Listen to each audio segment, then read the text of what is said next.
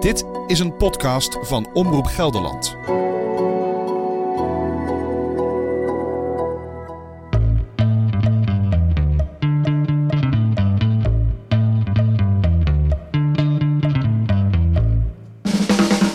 Vier dagen lang lopen zo'n 45.000 wandelaars de Nijmeegse Vierdaagse. En honderdduizenden mensen staan langs de kant of komen naar de feesten. Als je aan de Nijmeegse Vierdaagse denkt, dan gaat het al snel over blaren, doorzetten, de sfeer onderweg. Niet over de plekken waar je allemaal voorbij komt. En juist daarover gaat deze podcast. Unieke plekken, leuke weetjes, bijzondere gebouwen, mooie natuur. Dingen waar je anders misschien gewoon aan voorbij gaat. Dit is Langs de route van de Nijmeegse Vierdaagse. Een podcast van Omroep Gelderland. Verslaggevers van de omroep zijn naar de mooiste plekken getrokken. René Arendsen neemt de historie voor zijn rekening. Kijk dan toch nog even goed naar rechts. Naar die groene heuvel met dat kleine kapelletje. Want dan kijk je naar de meest bijzondere historische plek van Nederland. Laurens Stijnk gaat de natuur in. Welke was dat? Dat was een, eh, een. Het is een heel luidruchtig vogeltje. Die kan echt heel veel geluid maken. Die komt even tussendoor, zeg. Ja, ja, daarom. Dat krijg je er gewoon gratis bij. Pieter van Ekelen neemt en route een kunstwerk onder de loep. Hier vind ik dus een heilige in de berm naast het water van het riviertje de Linge. En Mr. Vierdaagse Harm Edens ontbreekt natuurlijk ook niet. Dit is Arnhem. Nou, en?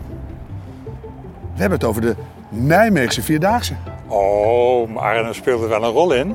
En ik, ik ben Anne Rutgroen, historicus en programmamaker en woon al meer dan 20 jaar in Nijmegen. In deze podcastserie ben ik je gids en reisleider en neem je mee langs de routes van alle vierdaagse dagen.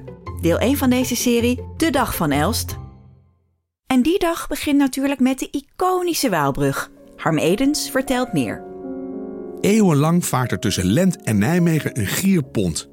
Dit ongemotoriseerde pontje met de naam Zeldenrust zet in eigen tempo de wandelaars over de rivier de Waal. In 1927 wordt deze vervangen door een veerpont met een motor. Maar zelfs deze grotere en snellere pont is voor het toenemende verkeer niet meer voldoende. En zo begint in 1931 de bouw van een brug, de Waalbrug. In 1936 opent koningin Wilhelmina deze brug. Kort daarna trekt de wandelstoet er overheen. De Waalbrug groeit uit tot een iconisch beeld van de Vierdaagse.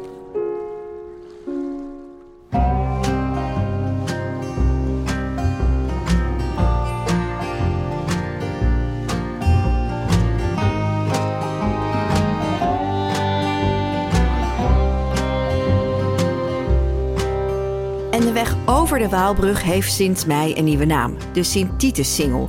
Genoemd naar de grootste Nijmegenaar aller tijden, Titus Brandsma. Voor wie de naam wel eens heeft gehoord, maar niet precies weet wie hij was... Brandsma was een priester en professor aan de Katholieke Universiteit, hier in Nijmegen. En tijdens de Tweede Wereldoorlog was hij heel actief in het verzet. Maar hij is opgepakt en heeft de oorlog niet overleefd. Vorig jaar heeft de paus hem heilig verklaard... Vandaar dat het dus de Sint-Titus-singel is. En we blijven even bij de oorlog, want langs de Waaldijk, vlak voor de brug de oversteek, staat een monument. Ter nagedachtenis aan de 48 Amerikaanse soldaten die hier in september 1944 om het leven zijn gekomen. Toen ze in kleine canvasbootjes de Waal over probeerden te steken. Zij, die de overkant wel levend haalden, speelden een cruciale rol bij de verovering van de Waalbrug op de nazi's en daarmee bij de bevrijding van Nijmegen. De brug heet de Oversteek, ter nagedachtenis aan die mannen. En sinds 2014 lopen veteranen elke avond de zogenaamde Sunset March over de brug. Als eerbetoon aan alle veteranen en soldaten van nu, maar dus ook aan de gesneuvelde soldaten van toen, die hun leven gaven voor de vrijheid van Nederland.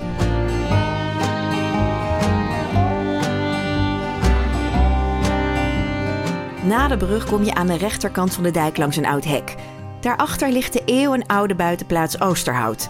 En buitendijks is het bijzondere natuurgebied de Oosterhoutse Waard. En Laurent Stijnk trekt het gebied in, samen met boswachter Daan Meeuwissen van Staatsbosbeheer. Ik moet goed opletten waar ik mijn voeten neerzet. Heel veel gras, maar her en der groeit dan ook zo'n prikkende distel. Paarse bloemen hebben ze inmiddels. Oh, hier zit zelfs een mooi klein lieveheersbeestje op. Heel veel boterbloemetjes ook her en der zo ineens. Ja, het is wel mooi. Oh, dan moet ik even goed kijken hoe ik hier naar de overkant kom van deze sloot. Daar nog een grote libel. Ja, zo lukt het. Het heeft voor- en nadelen hè, dat je hier mag struinen door de natuur. Met andere woorden, dat je niet op de paden hoeft te blijven. Ja, maar het is wel elke keer weer een nieuwe beleving, toch? Zeg dat wel, ja. De handen omhoog om maar door de brandnetels hier te komen. Bij mij is het goed gegaan, bij jou ook? Het ging goed, ja. ja, ja, ja. Maar hou er rekening mee. Als je eens een keer je eigen route wil bepalen, kun je dit soort ruige stukken tegenkomen. Ja. Waarom mag ik hier nou wel struinen en in menig ander natuurgebied niet? Ja, dat heeft hier vooral ook te maken. Kijk, als je naar bossen kijkt, dan heb je heel sterk, snel, als je van het pad afgaat, dat je de boel verstoort. En dat wil niet zeggen dat je hier niet de boel kunt verstoren. Maar de natuur beschermt zichzelf ook heel goed. Juist ook wat je net zag. We moesten de arm omhoog doen om door die brandnetel heen. Ja, niet iedereen zal dat zomaar doen. Dus het kan hier, omdat de natuur zichzelf ook heel goed beschermt. En dit, dit soort gebieden zijn er ook een beetje op ingericht dat je dat kunt doen. Het is open, het is grasland, gevarieerd met ruigte. En die ruige plekken, daar zullen mensen veel minder snel komen. Ja. Maar ja, het is wel een unieke natuurbeleving. En we staan aan de rand van het water. Eh, dat water speelt een cruciale rol hier natuurlijk. Ja, maar we staan nu aan het rand van een kolk. Hè? Maar de rivier is eigenlijk nog veel belangrijker voor die Die ligt rol. achter ons. Ja, die ligt achter ons. Ja, ja, ja. Die dynamiek van die rivier is heel belangrijk eh, voor dit gebied. En voor wat je hier ook ziet. Eigenlijk kun je elke keer je gebied opnieuw ontdekken. Er worden zaadjes afgezet, er wordt een vruchtbaar laagje afgezet. En dan groeit in één keer weer wat op. En dat is voor mij ook elke keer weer een verrassing wat ik tegenkom. We hebben geluk vandaag. We zijn op pad op een eh, mooie dag. De koninkpaarden daar in de verte staan met de voorpoten in het water. Er lopen hier ook runderen ergens, toch? Ja, klopt. Die zie ik niet. Ja, nou ja, goed. Ze kunnen hier op een heel groot deel gewoon lekker rondlopen. Dus ze lopen waar ze willen lopen. Maar er lopen hier ook Schotse hooglanders op dit deel van de Oosthoutse Waard. Wat doen die hier? Wat hebben die voor functie? Ja, wij noemen ze ook wel een beetje de beheerders. Dit wordt, dit wordt procesnatuur Ik genoemd. dacht dat jij de beheerder was. Ja, dat zijn wij ook. Ja, dat klopt. Maar, maar in feite wat we hier doen is de natuur zoveel mogelijk aan gang laten gaan. En die grote grazen die zorgen voor die variatie voor een heel groot deel. En dan hebben we nog een architect tussendoor lopen. En dat is? De bever. Ah. Ja, de bever die, die, die, die vindt natuurlijk die rand. We kijken nu uit over die prachtige wilgen. En die wilgen die zijn weer heel lekker ook voor die bever. Maar dat, dat is ook een stukje waarmee hij zijn burcht weer opbouwt. Dus ja, in die uiterwaard is die bever ook heel belangrijk voor dat je die open plekken houdt. Waar, dat er niet overal bos ontstaat. Die lopers die wandelen hier over de dijk, die kijken dit gebied in. Die zien een aantal bomen staan, niet zo heel veel. Die zien wat plassen water. Die zien veel grassoorten vooral. Wat wil je de lopers meegeven? Ik denk dat de lopers af en toe eens even van het pad af moeten wijken. Of een keertje na, terug moeten komen om dat te doen. Om die unieke natuur hier in en rondom Nijmegen te ervaren. Want van het pad af, hier mag dat. Je mag hier struinen. Hier mag je struinen.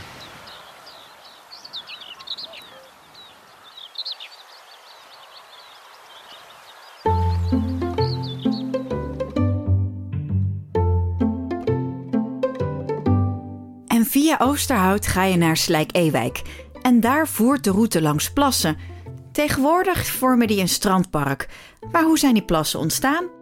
Het antwoord op die vraag is knooppunt Valburg. Voor automobilisten waarschijnlijk wel bekend van de fileberichten. Het is namelijk de kruising tussen de snelwegen A15 en A50. En om dat knooppunt aan te leggen was in de jaren 70 een heleboel zand nodig. En dat hebben ze hier gevonden en opgegraven. De kuilen die overbleven liepen vol met water en voilà, de plassen bij Slijk-Ewijk waren geboren.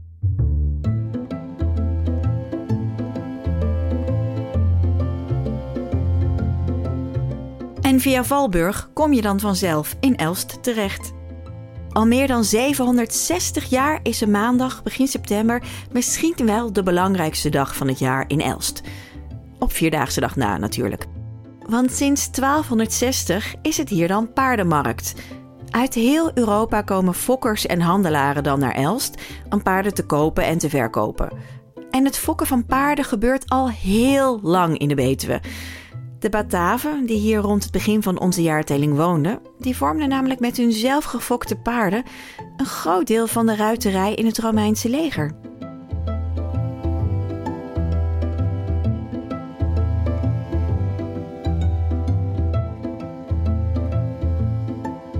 En dan een geboren Elstenaar waarvan je misschien niet had verwacht dat zijn wieg in Elst heeft gestaan. Ik noem het Smurflied ehm, in het kleine café aan de haven. Ja, Pierre Carner, beter bekend als vader Abraham, is hier in 1935 geboren. Eind vorig jaar is hij ons ontvallen, 87 jaar oud. Maar zijn wieg stond dus hier in Elst op een wat ongebruikelijke plek, namelijk het station. En hoe zit dat nou? Zijn vader was namelijk stationschef. En het was gebruikelijk dat de stationschef met zijn gezin woonde op het station. Aan het eind van de dorpstraat staat de schitterende Maartenskerk. Maar wat zich onder die kerk bevindt is minstens zo indrukwekkend. René Arendsen gaat op onderzoek uit. Op de eerste dag van de Nijmeegse Vierdaagse vallen we meteen, historisch gezien, met een neus in de boter. Want we komen meteen langs de mooiste historische plekken van de vier dagen. Te beginnen in Elst, de grote kerk. Je loopt er langs en je denkt, het is een kerk, gewoon een kerk, waar er zoveel van zijn in Nederland en in Gelderland. Niets is minder waar. Dit is, wat mij betreft, de meest bijzondere kerk van Nederland. Waarom? Omdat je hier 2000 jaar religieuze geschiedenis op elkaar gestapeld hebt. En die kan je ook nog zien. We zien nu een prachtige kerk uit de late middeleeuwen. En die zie je van binnen ook met een schitterend gewelf. Het is een protestantse kerk, geen beelden, wel een heel mooi orgel, een preekstoel. Maar hieronder zie je ook nog de fundamenten van twee Romeinse tempels en van twee kerken uit de vroege middeleeuwen. Dus het muurwerk van allerlei religieuze bouwwerken die op elkaar gestapeld zijn. En daar zijn we pas achtergekomen eigenlijk dankzij de Tweede Wereldoorlog. Want omdat het front hier lag in 1944, 1945, is deze kerk totaal verwoest. Vreselijk natuurlijk, maar bij de restauratie kwamen wel die muren van de twee tempels uit de Romeinse tijd en van de twee kerken uit de vroege middeleeuwen tevoorschijn. Er is ook een museum tegenwoordig in deze kerk. Het is nog een kerk die echt nog in gebruik is. Maar het is ook een museum, het uh, Tempelkerkmuseum. Dus we zien vitrines met de bijzondere vondsten uit de Romeinse tijd. Ook nog uit de prehistorie, ook voordat die Romeinse tempels hier gebouwd werden. Werd hier al aan religie gedaan in de prehistorie. Maar we zien ook een prachtige maquette van de tempel die hier stond. Een grote tempel met een zuilengalerij en uiteindelijk het heilige binnengebouw. Een van de grootste tempels die stond boven de Alpen. En hoe kom je nou bij de muurresten? Daarvoor moeten we een klein deurtje door een wenteltrap af. En dan komen we uiteindelijk tussen de muren van die twee vroegmiddeleeuwse kerken. En als we recht doorlopen, de Romeinse muren van het binnengebouw. Daarachter zien we waar de zuilen stonden. En als we nog verder doorlopen door het grind, tussen de muren van de Romeinse tempel aan de ene kant en de muren van de vroeg-christelijke kerk uit de 8e eeuw aan de linkerkant, dan kunnen we nog verder de diepte in. Dan lopen we over de fundamenten van een eerste Romeinse tempel, die hier 2000 jaar geleden al stond, en waar 100 jaar later een grotere tempel omheen is gebouwd. En hier zie je drie meter opgaand Romeins metselwerk. Dat zie je alleen in Zuid-Europa. Dit is uniek in Nederland zulke prachtig bewaarde Romeinse muren van een tempel. Daar overheen de muur van die vroeg christelijke kerk. En daarop de pilaren van de laat-middeleeuwse kerk die we nu nog steeds zien. Hier zie je 2000 jaar religieuze bouwgeschiedenis bovenop elkaar in één blikveld. Uniek in Nederland en ik durf ook te zeggen uniek in Europa.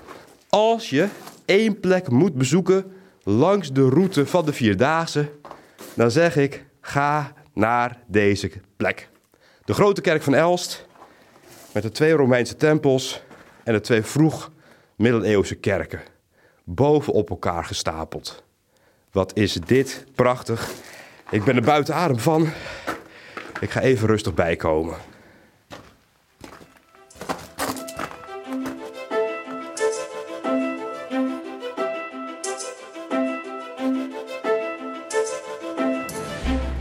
Van het glorieuze verleden van Elst naar daar waar het nu bekend van is. Misschien wel zonder dat je je daar bewust van bent, want wist jij dat een van de bekendste appels van Nederland je hebt er echt vrijwel zeker ooit een gegeten, in Elst is ontstaan. Dat zit zo. Fruitveredelaar Arie Schaap woonde in Elst toen hij door het kruisen van verschillende soorten appels een nieuwe soort maakte. Nou, hoe die nu te noemen? Hij koos voor zijn woonplaats Elst en plakte daar de eerste twee letters van zijn voornaam, AR van Arie, achter. En wat krijg je dan? Jawel, de Elstar. Vlak buiten Elst is aan de rechterkant van de weg een opmerkelijk kunstwerk te bewonderen. Vierdaagse fanaat en dé kunstkenner van Omroep Gelderland, Pieter van Ekelen, legt je uit wat het moet voorstellen. Een heilige beeld, liggend in het gras naast een riviertje. En dat is opmerkelijk toch, want meestal vind je zo'n beeld van een heilige in een kerk. Of op een kerk, of op het plein voor een kerk. Maar nee, hier vind ik dus een heilige in de berm naast het water van het riviertje de Linge. En die heilige staat dus niet statig op een voetstuk, nee, hij ligt in het gras. Het lijkt zelfs alsof hij uit een bootje gerold is en dat bootje, dat ligt naast hem. Maar wie is het dan en waarom ligt hij hier? Nou, het is de heilige Werenfridus. Een niet heel erg bekende heilige, maar toch hoort hij echt hier, op deze plek. Want hier was hij thuis, deze Werenfridus. In de 8e eeuw trok hij predikend door de Betuwe, het geloof verkondigend. En hij stichtte een kerk, hier in Elst. En hij stierf in Westervoort. En daarmee begon het gelazer, want gelovigen in Westervoort wilden hem in Westervoort begraven. Maar in Elst, daar beweerden ze dat Werenfridus tijdens zijn leven nog gezegd had dat hij in Elst begraven wilde worden. Het lot moest beslissen. Het lichaam van de dode Werenfridus werd in een bootje gelegd en waar dat bootje dan heen zou drijven, daar zou hij dan begraven worden. En je raadt het al hoor, dat werd Elst. Veel heiligen worden afgebeeld met voorwerpen waardoor je ze kunt herkennen. Werenfridus wordt afgebeeld met het bootje uit dit verhaal. Dat bootje is ook terug te vinden in het wapen van de gemeente Overbetuwe. En dat hele verhaal ligt dus hier in een kunstwerk, in het mysterie van Werenfridus van Alfons ter Avest. Vanaf Elst volgen de verschillende afstanden een eigen route om bij Bemmel weer bij elkaar te komen, maar zover is het nog niet. De 50 kilometer lopers zien elke dag 10 of 20 kilometer meer van de omgeving van Nijmegen dan de andere wandelaars. Dus speciaal voor jullie om te weten waar je langskomt en voor de rest om te weten wat jullie missen, het 50 kilometer weet je. En dat gaat op de dag van Elst over Husse. Want wist je dat Husse pas sinds 1816 Nederlands is? Tot die tijd hoorde het bij het Koninkrijk Pruisen. En niet alleen Husse werd vanuit Berlijn bestuurd, maar ook Malburgen, nu een Arnhemse wijk. En het was best onhandig. Een paar kleine Pruisische gebiedjes in Gelderland. Maar het heeft jaren van onderhandelen gekost om Husse en Malburgen bij Nederland te krijgen. Nou, in 1816 is dat dus gelukt. En sindsdien is het hele gebied tussen Rijn en Waal Nederlands.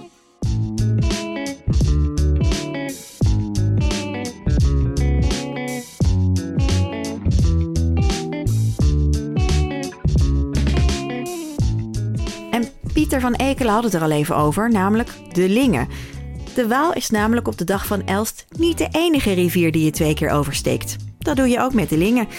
Die loopt van Doornenburg in het oosten naar Gorkum in het westen. Maar ja, rivier, daar zijn de meningen over verdeeld. Want het stuk tussen Doornenburg en Tiel is een zogenaamde wetering. Dat is een door mensen gegraven rivier. En die ziet er langs de route van de Vierdaagse tussen Elst en Bemmel eigenlijk veel meer uit als een kanaal. Nou gaat het verhaal dat de Linge de langste rivier zou zijn die alleen door Nederland stroomt. Maar nog even los van de vraag of de Linge wel of geen rivier is, is de Linge zo'n 20 kilometer te kort om voor die titel in aanmerking te komen. Die is namelijk voor de IJssel. En tussen Elst en Bemmel stroomt die Linge door Park Lingenzegen.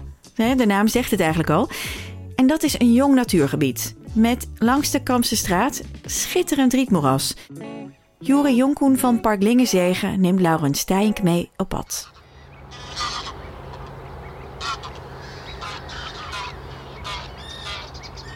Door al die geluiden denk ik, het is zonde om nu te gaan praten. Al die vogels die je hoort. Het is echt fantastisch om dat zo te horen. We zitten er echt middenin, dat gevoel heb ik. Ja, dat is absoluut waar. Het is echt uh, schitterend als je dan al die vogels om je heen hoort. En met name al het leven ook gewoon. Uh, al die verschillende vogels die zitten te roepen. Uh, op de eilandjes zitten verschillende jongen. Ja, fantastisch. En tussendoor, dat maakt deze plek ook bijzonder. Het geluid van de snelweg, de A325, ook die is hier altijd aanwezig. Ja, ja, dat is zeker waar. Het is, uh, in die zin uh, is dit een heel mooi voorbeeld van, van nieuwe natuur. Uh, die dan natuurlijk ook om nou wat we als mensen al aangelegd hebben, aangelegd is. En ja, de A325 is hier wel inderdaad een constante factor. Die hoor je wel altijd. Maar tegelijkertijd ook al die prachtige natuurgeluiden natuurlijk. We kijken uit over het water, staan achter een vogelscherm. De mist is een beetje opgetrokken, de zon is erbij, de vogels vliegen om ons heen. Want we kijken dus over het water en dan in de verte daar de snelweg. Je noemt dit nieuwe natuur. Hoe oud is dit nu dan? Ja, dat is een hele goeie. Uh, dit is het waterrijk van, uh, van Park Linkzegen. En dat is nu uh, in 2016 is gestart met de aanleg. Uh, nou, zeg dat het 2018, 2019 dat de laatste hand eraan gelegd is. Dus nou, als je zegt het is uh, officieel gezien een jaar of vijf, zes max oud. Uh, ja, dan, dan zit je wel goed, denk ik. Dus het is heel jong eigenlijk nog. En het is gevarieerd, hè? want we kijken nu uit over het water. Maar het park is ongeveer zo groot als van Arnhem naar Nijmegen. En er zit van alles tussen. Ja, zeker. Dat klopt inderdaad. Welke was dat? Dat was een, een zanger. Het is een heel luidruchtig vogeltje. Die kan echt heel veel geluid maken. Die komt even tussendoor, zeg. Ja, ja daarom. Dat krijg je er gewoon gratis bij. nee, het, uh, het park dat loopt inderdaad van, uh, van Arnhem-Zuid tot Nijmegen-Noord. Uh, en het is anders dan een gewoon park. Het is niet met een hek eromheen en dat je één ingang hebt waardoor je naar binnen kan.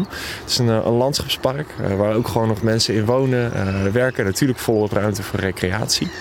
En in die zin heel groot, met een aantal verschillende delen erin. Dus genoeg om je mee te vermaken. Nu zitten hier allerlei vierdaagse dorpen in de buurt. Nijmegen, steenworp afstand. Achter ons ligt Arnhem.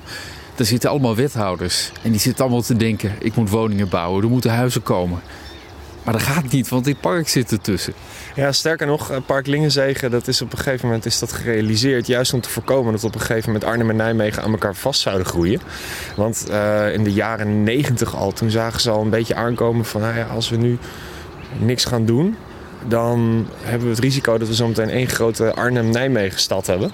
Nou ligt het natuurlijk sowieso al wat gevoelig, maar het is ook zonde als je dan geen groen meer hebt. Heb je ondertussen de chatty-zanger weer. Uh, dus toen zijn ze plannen gaan maken van joh, hoe kunnen we nou zorgen dat het niet uh, aan elkaar vastgroeit en uh, dat daar een, een, groene long tussen blijft. En toen zijn ze aan de slag gegaan met Park Lingenzegen. Welke tip heb jij nou voor de wandelaars die hier voorbij komen? Ik denk vooral, uh, probeer gewoon goed te luisteren naar de geluiden. Want vaak op het moment dat je geluid hoort, uh, dan kan je vaak ook de vogels al vinden. En kijk vooral ook als ze hier zo uh, langslopen, kijk tussen de rietvelden door. Want daar zitten ondiepe stukken water en daar zitten vaak heel veel vogels. Dan kan je kluten zien, dan kan je met een beetje geluk nog een lepelaar zien. Als je heel veel geluk hebt, misschien nog zelfs een roerdomp horen. Dus wat dat betreft, er is altijd wat te beleven. Ik leid nu het leven van de vierdaagse wandelaar. Dat betekent, ik moet door. Dankjewel. Graag gedaan.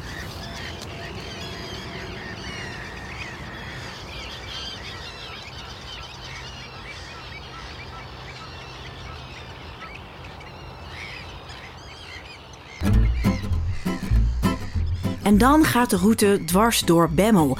En midden in het centrum staat een klein kasteeltje, de Kinkelenburg. Het stamt uit de middeleeuwen en wordt tegenwoordig gebruikt door de gemeente Lingerwaard. En waar de naam Kinkelenburg vandaan komt, is onbekend. Vlak achter het kasteeltje staat een schuur. En daar wil ik het even met jullie over hebben, want dat is geen gewone schuur, maar een tabakschuur. En dan hoor ik je denken, een tabakschuur? Wat doet die nou in de Betuwe? Nou, dat zit zo. Tegenwoordig denken we aan de Betuwe als de fruitschuur van Nederland. Maar dat is nog niet eens zo heel erg lang zo. Pas vanaf 1880 gingen de kleine boeren hier over op het telen van pitten en steenvruchten, zoals appels, peren, kersen en pruimen. Daarvoor was tabak, naast de aardappel, hun belangrijkste product. Zo'n twee eeuwen lang groeiden er veel tabaksplanten in de Betuwe. Maar aan het eind van de 19e eeuw kwam er betere en goedkopere Amerikaanse en Javaanse tabak op de markt en was er dus steeds minder vraag naar de tabak uit de Betuwe. En toen gingen de boeren hier over op fruitbomen en het telen van gewassen in kassen. En zo werd de Betuwe de fruitschuur van Nederland. De 50 kilometer lopers komen op de dag van Elst door Arnhem. En er heerst een soort kameraadschappelijke vijandschap tussen Nijmegen en 026. Of ODW. Die afkorting staat voor Over de Waal. Oftewel Arnhem.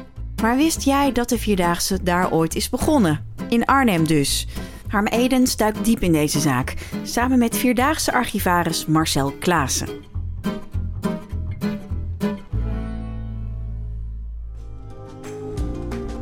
Harry Marcel, Mooi. dit is Arnhem. Nou, en? We hebben het over de Nijmeegse Vierdaagse. Oh, maar Arnhem speelde wel een rol in. Vanaf het begin. Vanaf het allereerste begin. Ja. Nederland begin 1900. De welvaart neemt toe door de industrialisatie. Ook het welzijn van de mens krijgt voor het eerst aandacht. Bewegen voor gezondheid en plezier is een heel nieuw fenomeen. Binnen militaire gelederen wordt in 1908 de Nederlandse Bond voor Lichamelijke Opvoeding opgericht. Het is deze bond die een jaar later de eerste wandelvierdaagse organiseert. Het begint eh, op 15 eh, locaties in ons land. Van de ene legerplaats naar de andere, van de ene kazerne naar de volgende. Oh ja, de 15 parcoursen van 1909. Dat eerste jaar liepen er 276 militairen mee. En geloof 10 burgers of zo. Maar ik had helemaal niet begrepen dat het over 15 plekken verdeeld was. Ja, maar van die 15 plekken zijn ze ook niet allemaal gelopen. Het is ook niet eens allemaal doorgegaan. Nee, want in Leeuwarden ging het niet door wegens de slechte toestand der wegen. en de parcoursen rond Rotterdam werden afgelast wegens het voorkomen van cholera. En toen, wat was de volgende stap in, in de, de ontwikkeling der routes? Nou, kennelijk had men zich een beetje vertild aan eh, dit geheel. En in 1910 is alleen nog Arnhem de startplaats. Dus toen zeiden ze, we doen niet meer 15 plekken, het wordt Arnhem. Eh, Arnhem stelde zich beschikbaar. Het idee om vier dagen te gaan lopen kwam van de Arnhemse luitenant Viehoff. De start en finish waren in Arnhem. De eerste marsleider was Tony van Dongen, uit Arnhem. Toch is het nooit de Arnhemse Vierdaagse geworden.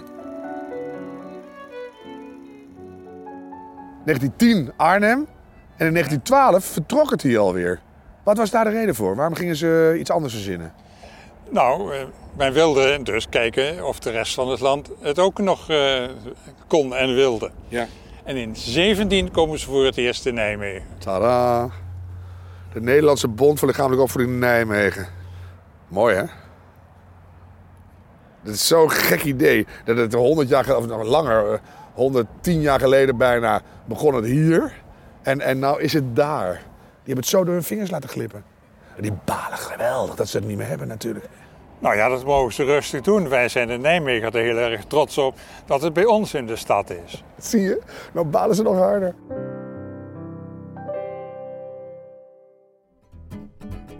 Ja, en dan voert de route alweer door Lent. Dat is de laatste plaats voor je weer in Nijmegen bent.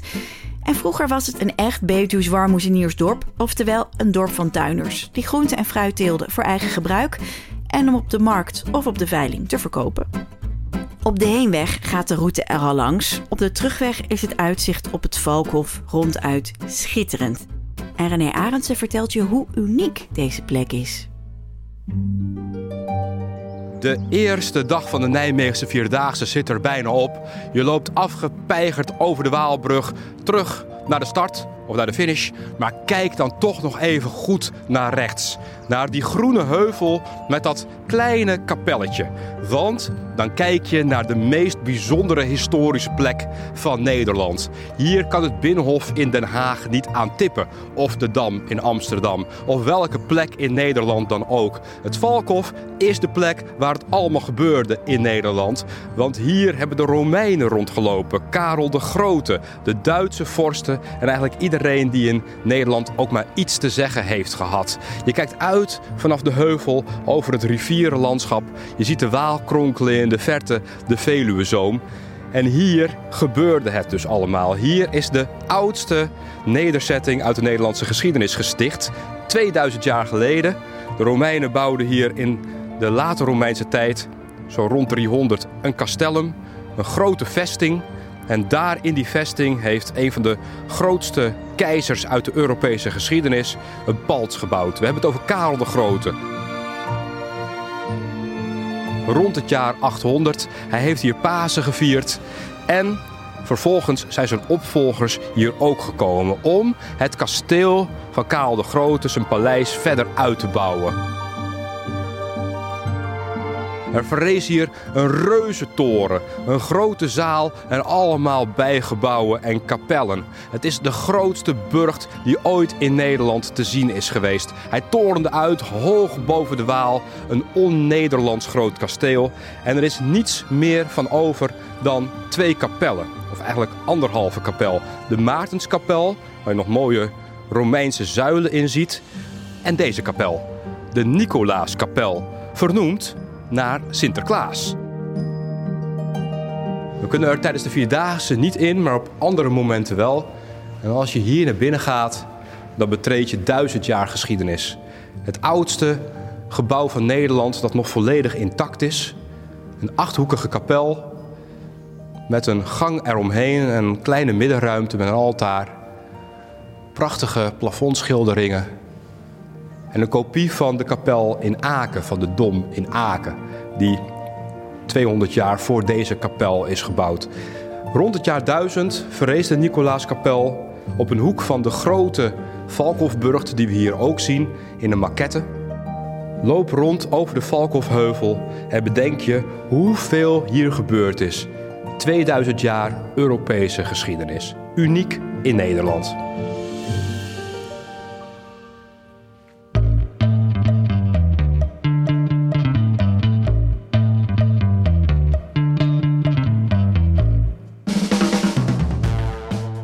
Waar je allemaal niet langskomt op zo'n dag. En na de dag van Elst wacht de altijd beruchte tweede etappe. De dag van Wiegen. En daarover gaat de volgende aflevering van deze podcast langs de route van de Nijmeegse Vierdaagse. En daarin ontdekt Laurens hoe de Hatertse Wennen zijn ontstaan. Dit Vennergebied, het lijkt er vanuit het niets zo ineens te zijn. Nou ja, zo werkt het niet in de natuur. Vertelt René een liefdesverhaal met kasteel Wiegen in de hoofdrol. Ze trouwden dus toch, ondanks de wil van haar broer. En ze trokken zich terug hier op het kasteel van Wiegen. En Harm Edens heeft het over hoe kan het ook anders? Jawel, roze woensdag.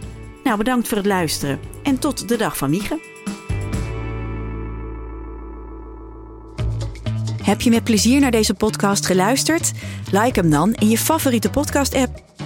Dan maakt de podcast beter vindbaar voor andere geïnteresseerden. Deze podcast is gemaakt door Anne Rut Groen, Laurens Stijnk, Pieter van Ekelen, René Arendsen en Harm Edens. Eindmontage Gedo van der Zee. Eindredactie Petra Engelfried.